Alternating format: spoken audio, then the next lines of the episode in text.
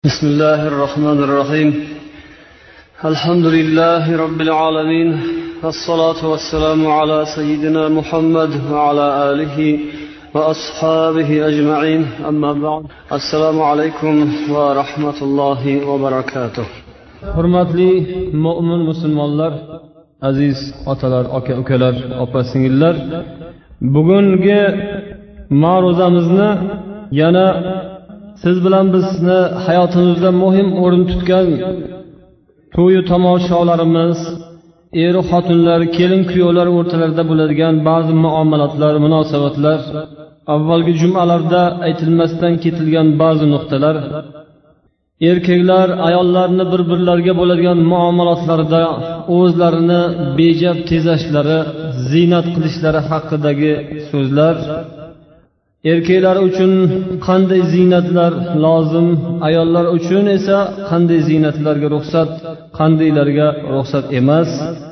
Ularni tashqi ko'rinishlarida odamlarni e'tiborini o'zgalariga jalb qilish uchun ba'zilari ishlatadigan uslublar deylik sochlarini bo'yash tirnoqlari yoki sochlarini qirqish. Shunga o'xshash yana xonadonlarda bo'ladigan ba'zi bir holatlar to'ylarda bo'ladigan holatlar. Xonadonimizda uyimizni bezagi uchun ishlatadigan asboblarimizni islomimiz qay darajada ruxsat bergan qaysilarini esa man qiladi qaysilari harom qaysilari muboh. Mana shu masalalar xususida so'z yuritamiz. Avvalo mo'min musulmonlar bir birlariga juda ham bir muruvvatli bir birlarini g'amu tashvishlarini ko'taradigan to'ylari ham azalari ham o'rtada bo'ladigan kishilar bo'lishlari lozim. Shu ma'noda agar uylantirolmasdan turgan o'g'illari chiqarolmay turgan qizlari bo'lsa darhol bir birlariga xabar berishlari kerak. Bu o'rinda hech qanday bir hijolatlik andisha yoki nozu qarashma degan narsalar bir chetga yig'ilib yig'ishtirib qo'yilishi kerak. Bizni mo'minlarimiz musulmonlarimiz betakalluf odamlar bo'lishlari kerak. Oddiy sodda kamtarona oddiy hayot kechiradigan odamlar bo'lishimiz kerak. Juda o'ziga bino qo'ygan dabdaba bilan shohona hayotlar kechirish musulmonlar uchun yarashmaydigan narsa. Olloh bergan bo'lsa yaxshi lekin o'sha har qancha boyligi bo'lsa ham har qancha martaba martabayu mansabi bo'lsa ham lekin uning hayoti oddiy bo'laversin. O'zi oddiy bir kambag'al odam qanday bir siniq ko'ngil ko'ngli shikasta bo'lib yuradi. Boyu badavlatlar ham shunday yashashga harakat qilsinlar. Alloh taolo qur'oni karim suralarida hazrati muso alayhissalotu vassalomni hikoyalarini bizga qissa qilib aytib bergan joyda muso payg'ambar o'zlarini yurtlaridan qochib dushmanni sharidan qochib madiyan degan yurtga kelib qoladilar. U yerda charchab horib bir buloqni chetida dam olib turgan paytlarida o'sha buloqqa odamlar kelib o'zlarini qo'ylarini mol echkilarini sug'orib ketar ekanlar. Shunda ikkita qiz ikkita bo'yga yetgan qiz ham bir chekkada odamlarini ketishini kutib turadilar. Qo'ylarini yetaklab kelgan hayvonlarni sug'orolmasdan navbat kutib turadilar. Endi erkaklar yigitlar kuchli kuchli odamlar o'zlarini mol hollarini sug'orib ketmagunlaricha ularga navbat tegmas ekan. Bir chetda qo'nishib turishganda muso payg'ambar bularga rahmlari kelib sizlar nima qilib turibsizlar? deganlarida biz endi shunaqangi bir zaifalarmiz odamlar to bu yerni bo'shatmaguncha biz shu qo'ylarimizni sug'ora olmaymiz. Otamiz bo'lsa qari odamlar u kishi ishga xizmatga yaramaydilar deydilar. Shundan keyin bu kishi muso alayhissalom qizlarga rahmlari kelgandan keyin ularni qo'lidan o'sha hayvonlarni olib odamlarni orasidan olib o'tib o'sha buloqdan sug'orib beradilar. O'sha yerda mehnat qilib hech narsa olmaydilar. Keyin ularga qo'ylarni topshirgandan so'ng o'zlari daraxtni tagiga yonboshlab xudoga iltijo qilib ey xudo men shunaqangi bir og'ir holatga tushib qoldim. Seni yordamingga muhtojman. O'zing yordam qilgin o'zing rahm qilgin degan so'zlarni aytib xudoga iltijo qilganlarini bu qizlar eshitadilar. Uylariga kelib otalariga bo'lgan voqeani xabar beradilar. Otalari qarasalar bular har kungi har safardan qaraganda ertaroq keldilar. Hayron bo'ldilar. Shunda voqeadan xabar berdilarki bir yigit kelib bizga yordam berdi qo'ylarimizni sug'orib berdi. Shundan keyin u kishi o'shalarni yigitni chaqirib kelishga buyurdilar. Qizlari borib taklif etdilar otamiz seni uyga chaqiryaptilar deb. Qaytib kelganlaridan keyin uyga boshlab kelganlarida u kishi ulug' bir payg'ambar edilar otalari ularga ajr haq berish qilgan xizmatlarini haqqini to'lashni taklif etganlarida muso alayhissalom haqni qabul etmadilar.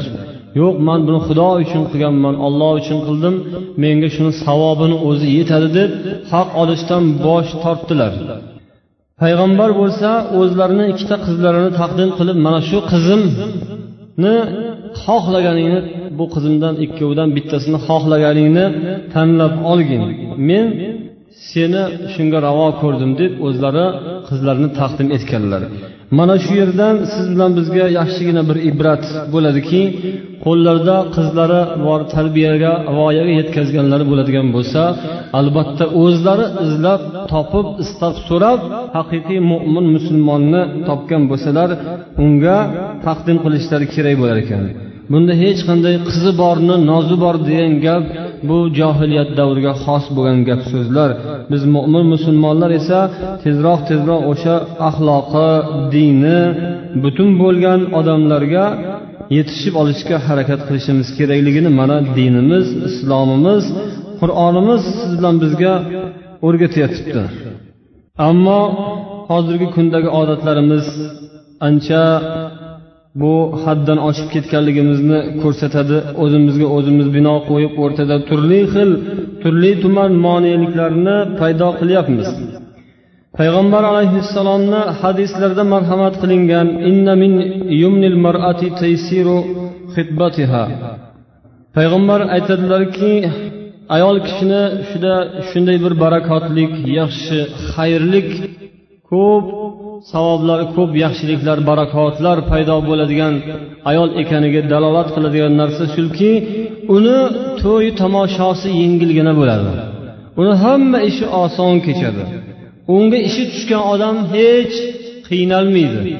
Kimki o'sha bilan agar turmush qurmoqchi bo'lsa baraka topadi. Mahri ham oldi berdisi ham yengil bo'ladi deydilar.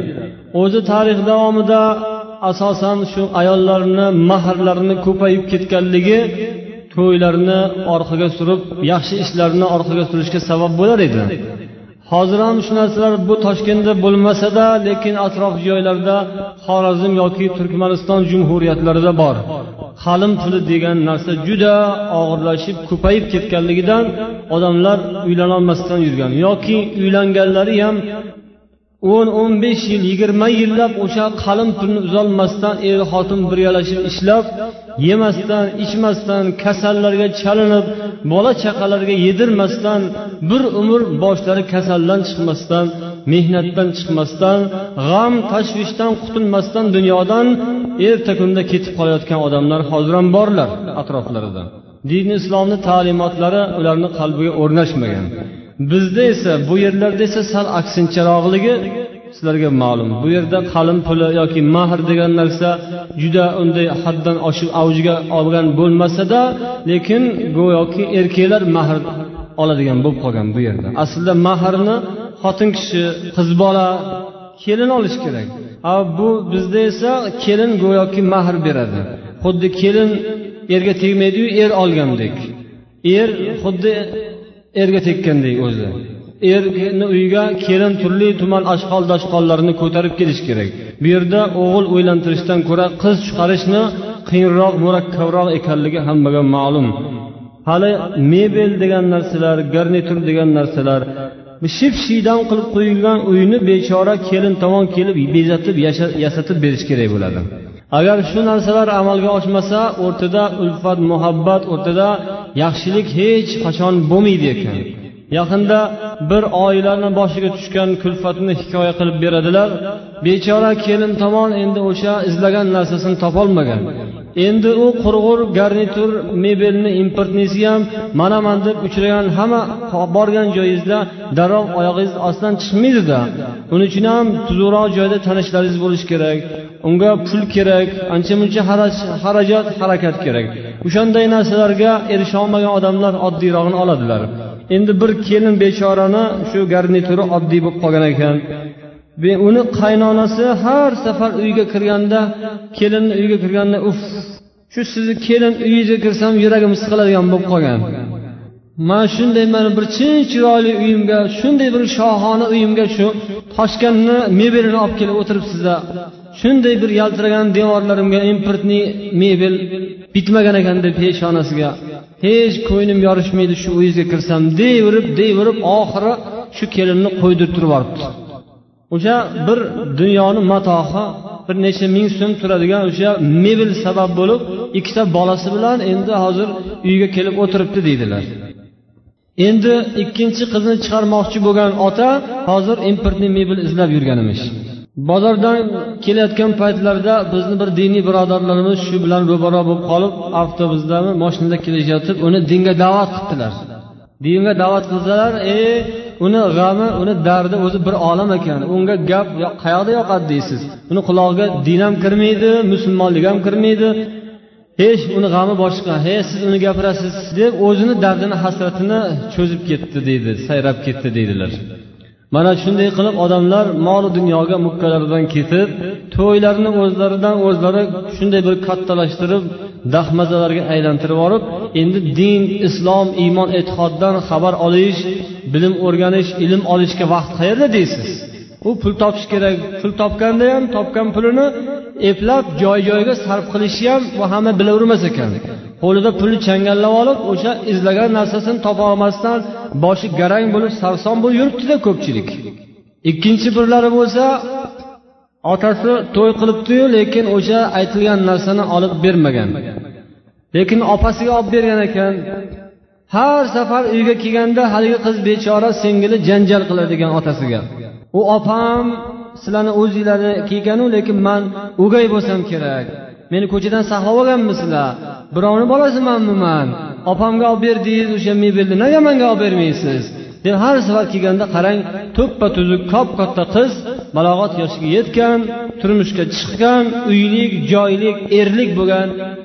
Ehtimol bir tasavvurimizni keltiraylik shular qanday yuradi ko'chada. Hamma yog'ini bezab oladi yalang yalang'och bo'lib oladi. Dunyoda undan aqlli odam yo'q undan madaniyatli ham yo'q undan zamonaviysi ham yo'q. Ko'ring mana eng zamonaviy bo'ldim degan joyida yetgan aqlini qarang ularni. Ularni erishgan cho'qqisini qarang. Ota ona uni katta qilib odam qilib tarbiyalab bir begonani uyiga olib borib xizmatkor qilib beradida yana bechora qutulmaydi har safar kelganda janjalni boshlab keladi har safar kelganda hasratni uyga to'lg'azib ketadi. Endi u domda turar ekan otasi aytadiki voy qizim axir olib berganim bilan domingga sig'maydiyu qayerga qo'yasan. Desa yo'q baribir olib berasiz. Hozir o'sha odam bir moshinasi bor ekan sotib ishlatib turgan moshinasini sotib o'rniga garniturni olib qo'yibdi. Ammo endi qanday qilib olib borib domga joylab berishni bilishmasdan garang bilib o'tirishgan emish. Qatga qo'yishni bilmasdan. Uyga olib borib hozir o'rab qo'yibdi. Lekin domga olib boraylik desa sig'masmish. Endi haligi qaynona bechorachi nima qilarkin? O'sha importniy garnitur topilsa olib kelsa kelini hoynahoy o'lgan mahalda ichiga tushib olaman degan niyati bormikan xudo biladi. Payg'ambar alayhissalom siz bilan bizni mana shunday dunyoparast molparast odamlar bo'lmasligimizni orzu qilgan edilar. Haqiqatdan ham kimki dini islom yo'liga kirsa xudoni so'zi payg'ambarni vasiyatlari uni qalbiga o'rnagan bo'lsa bu ishlar ular uchun bir o'yinchoqqa o'xshaydi. Dunyodan ketmaydigan o'lmaydigan mana shu dunyoga yopishib olib qolib ketadigan odamlarni ishi. Haqiqatdan hamda o'lim kelganda o'sha garniturni ichiga kirib olsa ajal farishtasi qaytib ketarmikin topolmasdan kelgan mahalda qayerda bo'lsa ham osmonda bo'lsa ham yeri tagida bo'lsa ham quloqdan sudrab bo'lsa ham olib ketadiku. U topgan tutgan narsalari hech baloga yaramaydi. Oxirida tobut qilishga ham yaramaydi. U boshqa narsa bo'ladi. Topgan tutgan kiygan yaltir yultir kiyimlarini yechib olishadi. Tillo tishlari bo'lsa qoqib olishadi qo'llaridan uzuklarini quloqlaridagi narsalar hammasini sug'urib yechib oladilar. O'ziniki edi shuni kiyib maza qilib yuruvdi endi ketaversin. O'lganda endi shuni ham olib ketmaydimi demaydilar hammasini yechib bir eng past matoga oddiy lattaga o'rab olib borib turib turpoqqa ko'mib keladilar. Qani endi u topilgan narsalar? Olib kelmadi deb kelin bilan janjallashgan narsalari ularni o'limdan saqlab qolsa. Payg'ambar alayhissalotu vassalom hayotlarida bir kuni u kishining oldilariga bir xotin keldi aytdiki yo rasululloh men o'zimni sizga taqdim qildim. Siz bilan sizni nikohingizga o'tishni xohlayman qabul eting dedi. Rasululloh sollallohu alayhi vasallam unga bunday bir qaradilarda keyin boshlarini sarak sarak qilib uzoq turib qoldilar. Javob etmasdan. Shu yerda turgan sahobiylardan birlari aytdilarki yo rasululloh agar sizda hojat bo'lmasa sizga kerak bo'lmasa meni o'ylantirib qo'ying shu ayolga deb so'radi. Shundan keyin payg'ambar alayhissalom aytdilarki ha ho'p unga uylanadigan bo'lsangiz biror narsangiz bormi qo'lingizda? Uni mahri bor. Asosan gap mahr ustida. Xotin kishini nikohga ayol kishi yo qizga uylanayotgan mahrda albatta mahr berilishi kerak uni haqqi mahr bormi beradigan narsangiz deb so'rasalar mana shu ishtonimdan boshqa hech narsam yo'q dedilar. Hech narsalar yo'q ekan. Shundan keyin payg'ambar hayron bo'ldilar. Hech bo'lmasa bitta temirdan bo'lgan uzuk bo'lsa ham topkigin axir. Temir uzuk bo'lsa ham dedi. Toza qidirib istab ketishdi. Qaramagan joylari qolmadi bitta temir uzuk ham topilmadi. Oxiri qaytib kelib yo rasululloh hech narsam yo'q ekan man shu ishtonimni yarmini beraman dedi. Endi payg'ambar hayron bo'lib e, bu qanaqa gap? Bo'lmaydi bunda axir. Unda endi sanga ham bo'lmaydi unga ham bo'lmaydiku deganlaridan keyin o'zi aytdilarki bo'lmasam san qur'ondan biror narsa bilasanmi? deb so'ravdilar qur'ondan bir nechta sura bilar ekanlar. Shunda aytdilarki bo'pti mana shu bilgan suralaring mahr bo'lsin. Unga shuni o'rgatasan o'sha uning haqqi mahrini shunday qilib ado qilgan bo'lasan deb payg'ambarimiz o'sha ayolni bu sahobiyga nikohlab bergan ekanlar. Musulmon mo'minlarni hayoti mana shunday soddalik bilan o'ta oladi. Dunyoga qul bo'lganlar esa yashay olmaydilar dunyoda. To o'sha shaytonlari ishlaridan turib uni aytgin buni aytgin. U o'lib ketgan yettinchi buvasiga ham aytib olgin olgin undan. Hamma narsa hamma urug'lari qolmasdan kiyib olsin mana shu to'yda deb turadi ularni ichidagi shaytoni. Undaylarni hayotini fir'avniy hayot deb aytibdi mana muallif. Fir'avnlarning hayoti. Fir'avn o'sha dunyoga podsho bo'lib xudoman degan. Butun moli dunyoga egalik qilib dunyoni hammasini odamlarni o'ziga qul qilib o'ziga ibodat qildirgan odam. Qizlarini turmushga berayotgan paytlarida ota onalar ularga qiladigan vasiyatu nasihatlari. Janob rasululloh sollallohu alayhi vasallamning tarbiyasini ko'rgan odamlardan birlari abdulloh ibn jafar ibn abi tolib o'zlarini qizlarini turmushga berayotgan paytlarida nasihat qildilarki ey qizim hozir san mana begona bir joyga ketyapsan. Hech dilingda g'illu g'ash ko'rolmaslik rashk degan narsa bo'lmasin. Eringga qo'lingdan kelgancha yaxshi xizmatingni qilgin. Shunda xudo xohlasa taloq yo'llari bekiladi hayotinglar yaxshi davom etadi. Dangasalik qilib ba'zi bir ishlardan bo'yin tovlamagin. Bu narsa o'rtada bir birini yomon ko'rishni keltirib chiqaradi.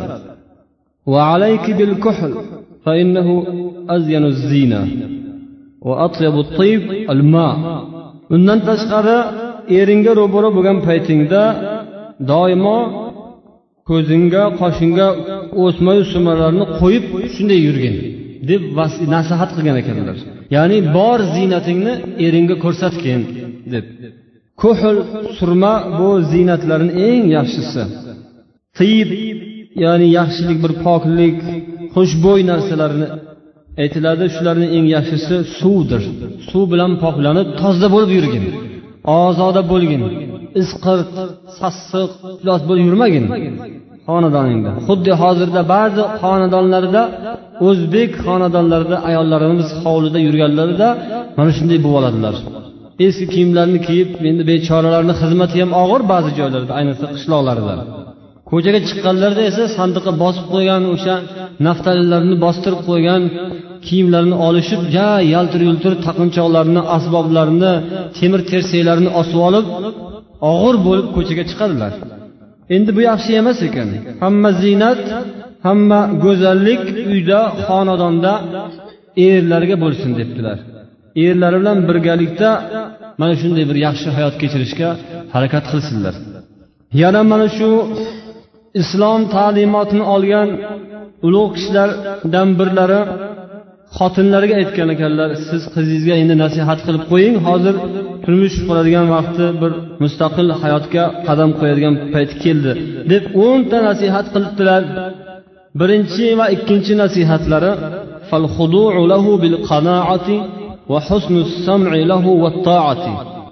ikkita nasihat birinchi ikki nasihat shundan iboratki o'sha erga qanoat qilib bo'ynsunsin erini topib kelgan narsasiga qanoat qilsa eriga bo'ysunib rozi bo'lib u bilan maslahatlashib o'shani so'zidan chiqmasdan umr o'tkazsa yaxshi bo'ladi deb ota nasihat qilyapti. Ota. Uchinchi to'rtinchi nasihati esa uni ko'zi va burni tushadigan joylarini salomat saqlasin ehtiyotini qilsin. Ya'ni erni ko'zi hech bir yomon joyga tushmasligiga harakat qilsin. Uyini toza saqlasin. O'zini ham tashqi ko'rinishini chiroyli saqlab yursin. Erni burniga har xil sassiq hid kelmasligiga harakat qilsin. O'zini xushbo'y qilsin. Hovli joylari ham toza bo'lsin xushbo'y bo'lsin. Albatta bu undan ba'zi birlar juda boshqacha xulosa chiqarishmasin. Nuqul ayol kishi shunday bir o'zi xizmat qilaverar ekan o'zi shunaqangi qattiq bir mehnatga qolar ekan demasdilar. Mana shu aytilayotgan narsa agar amal qilinadigan bo'lsa faqat erni foydasi emas o'sha xonadonni foydasi bu ayolni foydasi oila farzandlarning foydasi. Shunday yaxshi ob havo hukm surgan yaxshi iqlim hukm surib turgan joyda o'sayotgan baxtli bolalarni foydasi. O'sha yerda o'sayotgan farzandlar zurriyotlar juda baxtli bola bo'ladilar. Agar eru xotin bir biriga shunday bir yaxshi muomalada bo'lsa bir birini hurmatini qilsa izzatini saqlasa. Beshinchi va oltinchi nasihatim debdilarki uni uyqu va ovqatlanish vaqtini rioya qilsin. Uxlaydigan mahalida darrov joylaru hammasi o'rnida bo'lsin. Ovqat paytida ham endi ayol kishini vazifasi ovqat tayyorlash bo'lgandan keyin bu narsalarni o'z vaqtida ado etib tursa o'zi ham xursand bo'ladi. Yettinchi va sakkizinchi nasihatim esa uning moliga yaxshi ko'z quloq bo'lib tursin va uni qo'l ostidagi kishilarga oila a'zolariga ham rioyasini saqlasin. Moli dunyoda husni taqdir ahli ayolga husni tadbir. Ya'ni er asosan topib tutib kelish pul topish ishlash oilani boqish erni vazifasi bo'lgandan keyin olib kelingan narsani er olib keladi. Shuni ayol kishi yaxshilab joy joyga yaxshi taqsim qilib tursa bir iqtisod bilan ishlatsa hamma joyga hali u to'yga hali bu to'yga hali anavi qarindoshiniki hali bu dugonasiniki tug'ilgan kuni imeninasi baloyi battari deb turib hamma yoqqa sochib yuboravermasa bola chaqasiga yaxshilab bir tadbirlar ishlatib tursa deydilar yana oilada yaxshi bir tadbirni joriy qilsa deb nasihat qilibdilar to'qqizinchi o'ninchi nasihatim فلا تعصين له أمرا ولا تفشين له سرا uni buyrug'iga uni so'ziga ko'rsatmasiga bo'ysunsinu uning sirlarini ochib hamma tomonga gap so'zni ko'tarib chiqib yoyib yurmasin. Yana turmush quradigan baribir ikkalasi ko'chadagi odamlar bilan ham kelib turmush qurishib bermaydi. Yomon bo'lsa ham yaxshi bo'lsa ham o'ylab ko'rsin. Shu bilan umrini davom ettirmoqchimi turmushini yo o'sha janjal bahonasi qilib butunlay buzilib ketmoqchimi? Agar buzilib uzilib ketish xayolida bo'lsa janjal to'polonni ham hojati yo'q odob bilan axloq bilan ajralish kerak. Ikkinchi marotaba ko'cha ko'yda ko'zi tushganda bir birini so'kib bir biriga teskari qarash qilib ola qarash qilib ketadigan bo'lmaydi musulmonlar. Hatto bir birlari bilan turmushlari kelisholmasdan taloq bo'lib ajralib ketganda ham o'sha o'zlarini oddiy musulmonliklarini saqlab qolishlari kerak bo'ladi.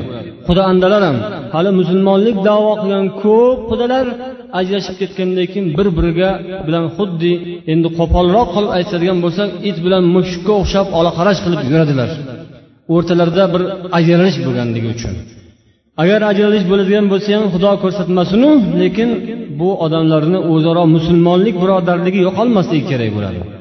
Endi turmush davom etishini xohlaydigan bo'lsalar o'rtadagi gapni hamma olib chiqib doston qilib shikoyat qilib er xotin ustidan xotin er ustidan tashqariga olib chiqib gapiradigan bo'lsa o'zlarini o'zlari faqat shu kulkiga qo'yadilar sharmanda qilib beradilar. Mana shu narsalarga amal qilsin deb u kishi qizlariga vasiyat qilib nasihat qilgan ekanlar. Ammo erini esa hazrat rasuli akram sollallohu alayhi vasallam huzurlariga hazrati ali dan odam kelib fotima roziyallohu anhu onamizni hazrati aliga so'ragan paytlari u kishini qanday qilib turmushga berganlari payg'ambarimiz hazrati aliga qilgan vasiyat nasihatlari ham juda bir ibratliki qizimni sizga beraman lekin buni yaxshilab hurmatu izzati buning haqqi huquqini rioya qilishni shart qilib turib beraman degan so'zlari bor ekan. Erkaklar ham ja bizga endi shunaqangi xizmat bo'lar ekan deb oilada hokimi mutlaq ekanmiz deb katta ketmasinlar shoshilmasinlar erkaklarni tepasida ham ancha muncha og'ir yuk bor. Bu yuklarni hozirgi kundagi erkaklarni hammasi ham ko'tara olayotgan yo'q ayollarimizni ko'p joyda aziyat chekib dindan uzoqlashib axloqlari sal bir izdan chiqib qolganligiga asosan erkaklar sababchi. Otalar sababchi otalar otaligini esdan chiqarib qo'ygan erkaklar erkakligini esdan chiqarib ko'p joyda erkaklar xotin kishiga o'xshab qolgan. Ana shuning uchun ham erkaklar ja hozir haddan oshib hovli qilib ketmasinlar. Xotinlar bizni qulimiz ekan deb. Undoq emas. Ayollarni xudo erkaklarga omonat qilib bergan. Ularga xizmat qilishlari kerak bo'ladi ular ham. Ko'p yerlarda mana hozir ham eshitib turibmiz masjidga keladigan ayollarimiz opa singillarimiz yoki qizchalarni yo'lini to'sayotganlar ham bular ham erkaklar.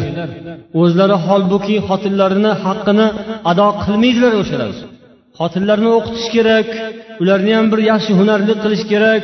Ularni ta'lim tarbiyasini berish kerak. Islomiy haqiqiy mo'mina muslima oqila dono ayollarni yetkazib chiqarish tarbiya qilish erkaklarni zimmasida xudo yuklagan farzu ollohni bu farzini bajarmasdan turib xotinlarni oldidagi haqqilarini vazifalarini ado qilmasdan turib yana u bechoralar agar ayollar o'zlari haqqilarini izlab xudoni so'zini eshitaman ollohni yo'liga yuraman deb o'zlari haqiqat sari harakat qilganlarni yo'lini to'sib ham oladiganlari borlar. Ikki tomonlama gunoh. Birinchidan o'zlari o'rgatmadilar ikkinchidan o'rganaman deganga qo'ymadilar. Gunoh ustiga gunoh bo'ladi. Agar o'zlari juda olim bo'lsalar judayam bir oqil bo'lsalarku o'sha erlar xotinlarga kerakli yetarli darajada ta'limni berib qo'ygan bo'lsalar unda bu gaplarga o'rin yo'q edi. Shuning uchun masjidlarga kelaman deganlarni yo'liga to'siq bo'layotganlar ularni islomiy liboslarga qarshilik qilayotgan odamlar yana bir marta o'ylab ko'rsinlar xudo ularga insof bersin.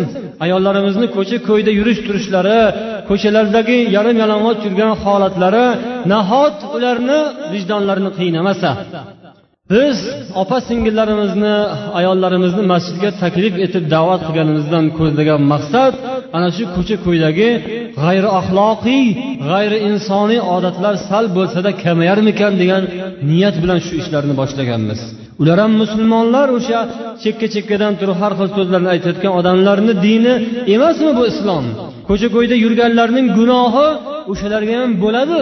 Uyda o'tirgan joylarida ming namoz o'qisalar ham qur'on o'qisalar ham xudoni bandalari ollohni bandalari balki musulmonman deb yurgan odamlar ko'chada noshariy ishlarni qilib g'ayri axloqiy suratda o'zlarini shunday bir uyat yerlarini ko'rsatib yurgan ekanlar bu shaharda yashayotgan musulmonlar albatta gunohdan benasib qolmaydilar.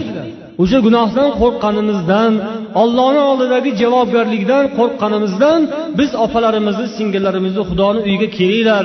Shoyatki xudoni uyidagi so'zlar ollohni nomi bilan aytilgan so'zlar o'shalarni qalblariga ta'sir etsa degan niyat bilan aytyapmiz. Boshqa ishimiz yo'q boshqa niyatimiz yo'q. Agar ayollarimiz opalarimiz singillarimiz hammasi olloh aytgandek rasululloh maqtagandek odamlarga aylansalar biza shunda xursand bo'lamiz shunda biz vazifamiz ado bo'lgan ado bo'ldi deb hisob qilamiz. Payg'ambar alayhissalotu vassalom ham erkaklarga ham ayollarga taalluqli bo'lgan bir hadisni marhamat qildilar. Ashratun minal fitra. O'nta odat bor bu fitratdan ya'ni har bir sog'lom tabiatli odam qilishi kerak bo'lgan ish o'nta ish. Qassu sharib birinchisi mo'ylovni kalta qilish dedilar erkaklarga taalluqli bu gap ko'proq. Mo'ylovlar uzun bo'lib og'izga tushib ketmasin. Ovqat suv kirganda yoki havo kirib chiqqan paytida shu mo'ylovga o'rnashib qolgan ba'zi bir changlar mikroblar zararli narsalar kirib ketib qolmasligi uchun. Soqolni qo'yib yuborish bu ham tabiiy narsa deydilar fitratdan. Insonni tabiatiga mos keladigan insonni o'z holiga qo'yish kerak bo'lganda qo'yish kerak bo'lgan narsalardan shu xudo bekorga erkaklarga soqolni bermadi. Agar mana qaraymiz hozir juda bir tirishib tirmashib qirtishlab har ikki kunda bu narsani orqasiga qaytarib yuboraman deganday harakat qilamiz. A bu kerak bo'lmaganda bu narsani xudo bermasdi chiqinmay qo'ya qolardi. Xudo nima uchun peshondan chiqarmadi yo burningizni uchidan chiqarib qo'ymabdiku shu narsani? O'sha kerak emas burningizni uchida turganda yarashmasligini xudo bilardi. O'sha kerakli joyiga xudo chiqaribdi. Biz bundan hammanglar ertadan boshlab soqol qo'yib yuboringlar deb aytayotganimiz yo'qku lekin shu o'rinda ba'zi bir gap so'zlarni raddiyasiga aytyapmiz. Ayollarga xudo o'sha kerak emasligi uchun ayollarni yuzlari o'sha oppoq bo'lib silliq bo'lib turishligini xudo xohlagan ekan. Ularga o'sha ziynat ekan. Shuni xudo xohlabdi shunday qoldiribdi. Erkaklarniki esa bu tomonda bunda erkakligi bilinib tursin ekan. Ularni bir ajrab turadigan joylari bo'lsin deb xudo ularga bu sifatni bergan ekan. Shuning uchun bu borada unaqangi talashib tortishishni aslo hojat yo'q. Undan tashqari olimlarni hozirgi vaqtdagi olimlarni tekshirishlarini natijasi shuni ko'rsatadiki mana bu muallif aytishlariga qaraganda odamzodda erlik garmonlarini ishlab chiqaradigan bezlarini ish faoliyatiga mana shu o'z holiga qo'yishlik soqollarni o'z holiga qo'yishlikni ta'siri bo'ladi deydilar. Undan tashqari ba'zi bir kasalliklar ba'zi bir tabiblarni insofli tabiblarni aytishiga qaraganda insonni tishini salomat saqlanishiga sabab bo'ladi o'sha narsa. Bu tabiiy narsa xudo. O'sha tabiat hozirgi kunda ba'zi birlar tabiatni o'z holiga qo'yaylik deyishyaptiyu. Tabiatni toza u yoqqa bu yoqqa tortqilab arqon solib zanjir solib orqasiga qaytarib olamiz deb harakat qilishdiyu lekin bo'lmadi. Tabiatni o'zgartirsa bir tomoni buzilib qolar ekan. Shunga o'xshash insonni ham o'zini tabiiy holiga qo'yilsa shunda yaxshi bo'lar balkim. Albatta. Bizni lekin tasavvurlarimiz o'lchovlarimiz buzilib qolgan. Shuning uchun soqolli odamni ko'rganda ba'zi bir odamlar sal seskanib qoladi. Aslida aslida sabab nima deganda bizni o'sha o'lchovimiz buzilgan. Tarozimizni shayini buzilib qolgan. Tarozimizni bitta pallasiga bir kilolik toshni qo'yib u yog'iga bir yarim kilomi ikki kilo yukni qo'ysangiz bab barobar turaveradi. Aytmaydi bu yerda bir yarim kilo yuk turibdi demaydi bir kilo ko'rsatadi. Yarim kilo qo'ysangiz hech narsa yo'q tarozida deb turadi. Tarozi buzuq bo'lsa shunaqa bo'ladi. Metr agar qisqarib qolgan bo'lsa o'n metrli narsani o'n bir metr deb belgilab beradi. Shunday qilib bizni ham hozirgi kundagi go'zallik odamgarchilik yurish turish degan o'lchovimiz o'zgargan buzilgan. Go'zallik deganda yalang'och yurishni tushunadiganlar chiqib qolgan hozir. Go'zallik deganda afti basharasiga besh olti kilo kraskani chaplab yurishi go'zallik deganlar chiqqan hozir. Yoki bo'lmasam odamgarchilik deganda uyga kelganda o'sha iflos suvni quyib bersa ana odamgarchilikni o'rniga qo'ydi deydigan qarang odamgarchilik go'zallik bu yaxshi narsalar. Insonni bezaydigan sifatlar lekin insonni bezaklarini biz olib turib yerga loyga bir qorib bunday oyoqni ostiga olib toptab tashladik. Shuning uchun ko'zimizga har kim g'alati ko'rinadigan bo'lib qoldi. Aroq ichmaydiganlar aroq ichadigan o'sha odamgarchilikni joyiga qo'yadiganlarni o'lchovga tushmaydigan bo'lib qolgan. Davom etadilar. Tishlarni tozalab sivok misvok qilib yurishlik. Og'izga yaxshilab burunga suvlarni olib tozalab yuvib chayib yurishlik og'iz burunlarini. Tirnoqlarni kesib olib yurishlik. Bu fitratdan insonni tabiatiga muvofiq keladigan narsalardan. Endi shu o'rinda aytib o'tish kerak o'sha go'zallik degan tushunchalari buzilib oyog'i osmondan bo'lib qolganlar tirnoqlarini o'stirib mana bu bir qarich bir qarich qilib yuboradilar. Uni tepasini yana har xil bo'yab ham qo'yadilar. Xuddi bir yovvoyi qushni tirnog'i bo'ladi changali bo'ladi. U changali bilan ovlaydigan endi bilmadim uyda urushib qoladigan bo'lsa balkim kerak bo'lar. Ana shu tirnoqlarni kesib yurishga rasululloh buyurganlar. Olib yuringlar deganlar. Yana beshinchisi g'oslul barajim. Barmoqlarni mana bu bo'g'inlarni yaxshilab yuvib tozalab yurishlik. Tirnoqlarni ham yuvib yurishlik. Tirnoqni bo'yaganlar tirnoqni o'sha yuvib yurganda yetishi kerak bo'lgan joyga suv yetkazishni man qiladilar. Tirnoq bo'yalgandan keyin kraska bo'lgandan keyin tagiga suv yetmaydi. Bu sunnatga xilof. Undan tashqari tirnoq bo'yash bu musulmonlarda odat bo'lgan emas mo'min musulmonlarni sunnatlari ovqat yeganda qo'l bilan ovqat yesin deydilar payg'ambarimiz. Payg'ambar uchta barmoq bilan ovqat yeganlar. Endi qoshiq degan narsalar vilka degan narsalar keyin chiqdi. Mayli gap bo'lmaydigan bo'lsa qoshiqda yemasa bo'lmaydigan narsadan qoshiqda yeyiladiku lekin oshga o'xshagan narsalarni har qalay qo'lda yeyilsa savobi ko'proq bo'ladi ekan. Endi u tirnog'ini bo'yab olganlar endi har safar osh keyin bo'yashga to'g'ri keladida. Bo'yoqni yalab qo'yishi mumkin. Tirnoqlar bo'yalmasligi kerak. Bu islomga zid. Musulmon ayollarda tirnoq bo'yalmaydi. Va natful ibt qo'ltiq ostidagi yunglarni yulib yurishlik.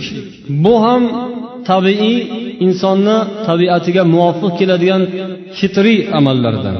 Va halqul ana kindik ostini tozalab yurishlik. Balog'at yoshiga yetganligini alomati deb ko'rsatilgan qo'ltiq ostida kindik ostida yunglar paydo bo'ladi. Qo'ltiq ostidagini yulib tashlash kerak boshqasini qirib tashlash kerak. Shariatni hukmi bu. Shunday bo'lmasa o'sha yerda bir sassiq hid paydo bo'lib keyin kasallik ham paydo bo'lar ekan.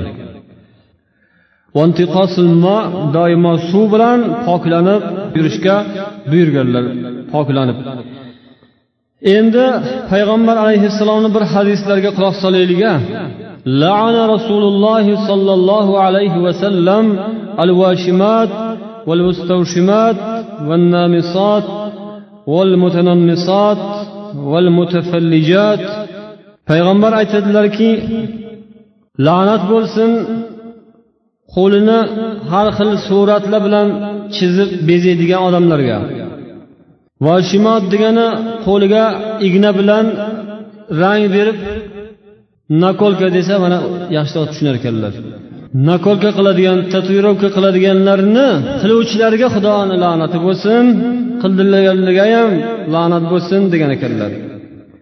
Undan tashqari yuzda ba'zi bir tuklar paydo bo'lgan bo'lsa o'sha tuklarini olib tashlab yuzni silliqlashtirishga boshqa qilishga harakat qiladiganlar.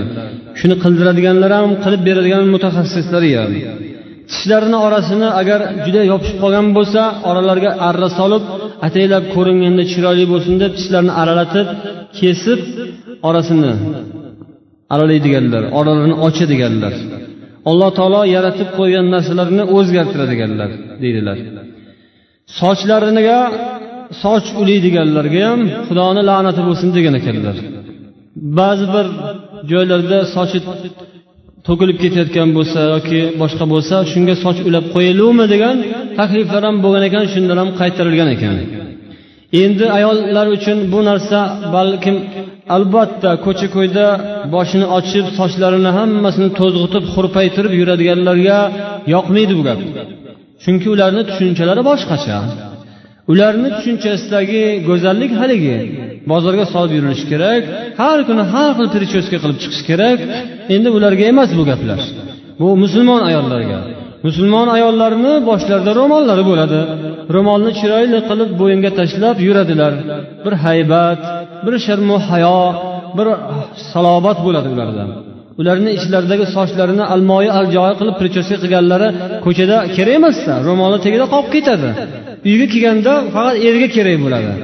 Shuning uchun sochini ulash ulama sochli qilishni ham payg'ambar qaytargan ekanlar. Yana man tashabbaha biqavmin fahuva minhum dedilar. Kim qaysi bir odam bir qavmga o'zini o'xshatmoqchi bo'lsa u o'shalardan bo'lib qoladi degan ekanlar. hadislarda rivoyat bo'lgan imom buxoriy hadislarida imom ahmad hambal rivoyat qilgan hadislarida payg'ambar aytgan ekanlar laana rasululloh sollallohu alayhi vasallam al mutashabbihina minar rijal bin nisa val mutashabbihat minan nisa bir rijal. Payg'ambar erkaklarning ichida o'zini ayollarga o'xshatib yuradiganlarni ayollarni ichidagi o'zini erkaklarga o'xshatib yuradiganlarni la'natladilar. Xudoni la'nati bo'lsin dedilar. Muallif aytadilarki o'zini boshqa odamlarga o'xshatib erkaklarga o'xshaydigan darajada qilib sochini qirqganlarni mana shu la'nat ostiga kiradi deyaptilar. Sochlarini o'sha ajnabiy millatiga mansub deylik inglizlarga yo fransuzlarga yoki o'rislarga bir o'xshab maza qilib yurayin desa o'shanday qilib o'shalarni o'ylab turib qilsa bu ham o'shalardan degan ekanlar. O'shalarni qatoriga qo'shilib ketadi deydilar. Ammo bu o'rinda sochni kesish masalasida biroz bir kengaytirish izoh berishga to'g'ri keladi. O'zini ajnabiylarga o'xshatishni xohlab turib kesgan bo'lsa o'shalardan bo'ladi albatta deydilar. O'zini erkaklarga o'xshatmoqchi bo'lib erkaklarni sochiga o'xshatib turib kesgan bo'lsa endi erkaklarniki sal qisqa bo'ladiyu sochi. Erkakka o'xshatgan bo'ladi bu ham la'natga qoladi. Lekin imom muslim rivoyat qilgan hadislarida sahobiya ayollarni sochlarini sochlaridan olganlari kesganlari to'g'risidagi rivoyat bo'lgan ekan. Lekin u kesilgani hozirgi kunda sochini kesib yuradiganlarni qilgan ishi emas.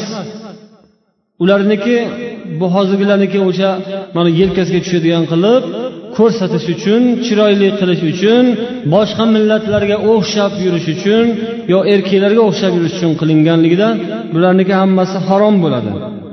Ba'zi birlari shunday bahona ko'rsatar ekanlarki soch to'kilib ketib qoladi. Shuning uchun o'sha to'kilishdan saqlash uchun sal pastroqdan kesish kerak. degan so'zlarni aytadilar agar shu gap rost bo'ladigan bo'lsa unda boshqa gap o'sha sochini to'kilib ketishdan saqlash uchun judayam yuqori qismdan emas pastroqdan kesgan bo'lsa uni zarari yo'qligini mana shu yerda aytyaptilar yana tillo uzuk taqishlik erkaklarga harom qilinganlarini rasulullohni hadislaridan bilamiz رأى رسول الله صلى الله عليه وسلم خاتما من ذهب في يد رجل فنزعه فطرحه وقال يعمد أحدكم إلى جمرة من النار فيجعلها في يده rasululloh bir odamni qo'lida tillo uzukni ko'rib uni tortib oldilar uloqtirdilar yerga otib yubordilar e aytdilarki sizlar qo'linglarga do'zaxni o'tidan bir cho'g'ni olib o'rnatib olishni xohlaysizlarmi do'zaxni o'zini ushlab olmoqchimisizlar do'zax kerak bo'lib qoldimi sizlarga Deb unga tanbeh berdilar. Ketganlaridan keyin odamlar ol endi olib cho'ntagingga solib bir narsaga ishlatib yuborasan deganda la vallohi la axuduhu abadan vaqad tarahahu rasululloh sollallohu alayhi vasallam dedilar. Abadul abad olmayman qo'limga olmayman endi bu xudo rasululloh tashlagan narsani olmayman deb ketib yubordilar. Ammo mana bu hadisni biz bir necha marotaba aytib berganimizga qaramasdan haliyam musulmonlarimizni o'zbeklarimizni qo'llarida tillo uzuklar yalt yult qilib yuribdi. Rasulullohni so'zlariga qarshi ishlar bular. Alloh taolo siz bilan biz mo'min musulmonlarni bu qilayotgan ishlarimizni shariati islom qoidalariga muvofiq kelishini o'zi nasib etsin. Inshaalloh bu so'zlarimizning davomi hali bor. Ularni kelgusi namozlarimizda davom ettiramiz. Hozir esa bu yerda siz bilan bizdan iltimos qilgan birodarlarimiz o'zlarini bemorlarini dardiga alloh taolo shifo bersin deb so'rab duo talab qilganlari borlar. Yana ishlaringizda bir musulmon okaxonlarimizdan namozxon akalarimizdan birlari farzandlari avazjon va nozimjonlarini haqqiga jamoatdan duo qilib bering duo olib bering debdilar ular alloh alloh roziligi yo'lida qur'on ilmini olish maqsadida o'qishga kirishdilar debdilar alloh taolodan bu kishini ham haqqiga farzandlari haqqiga duo qilamiz اللهم أعنا على ذكرك وشكرك وحسن عبادتك برحمتك وكرمك يا أرحم الراحمين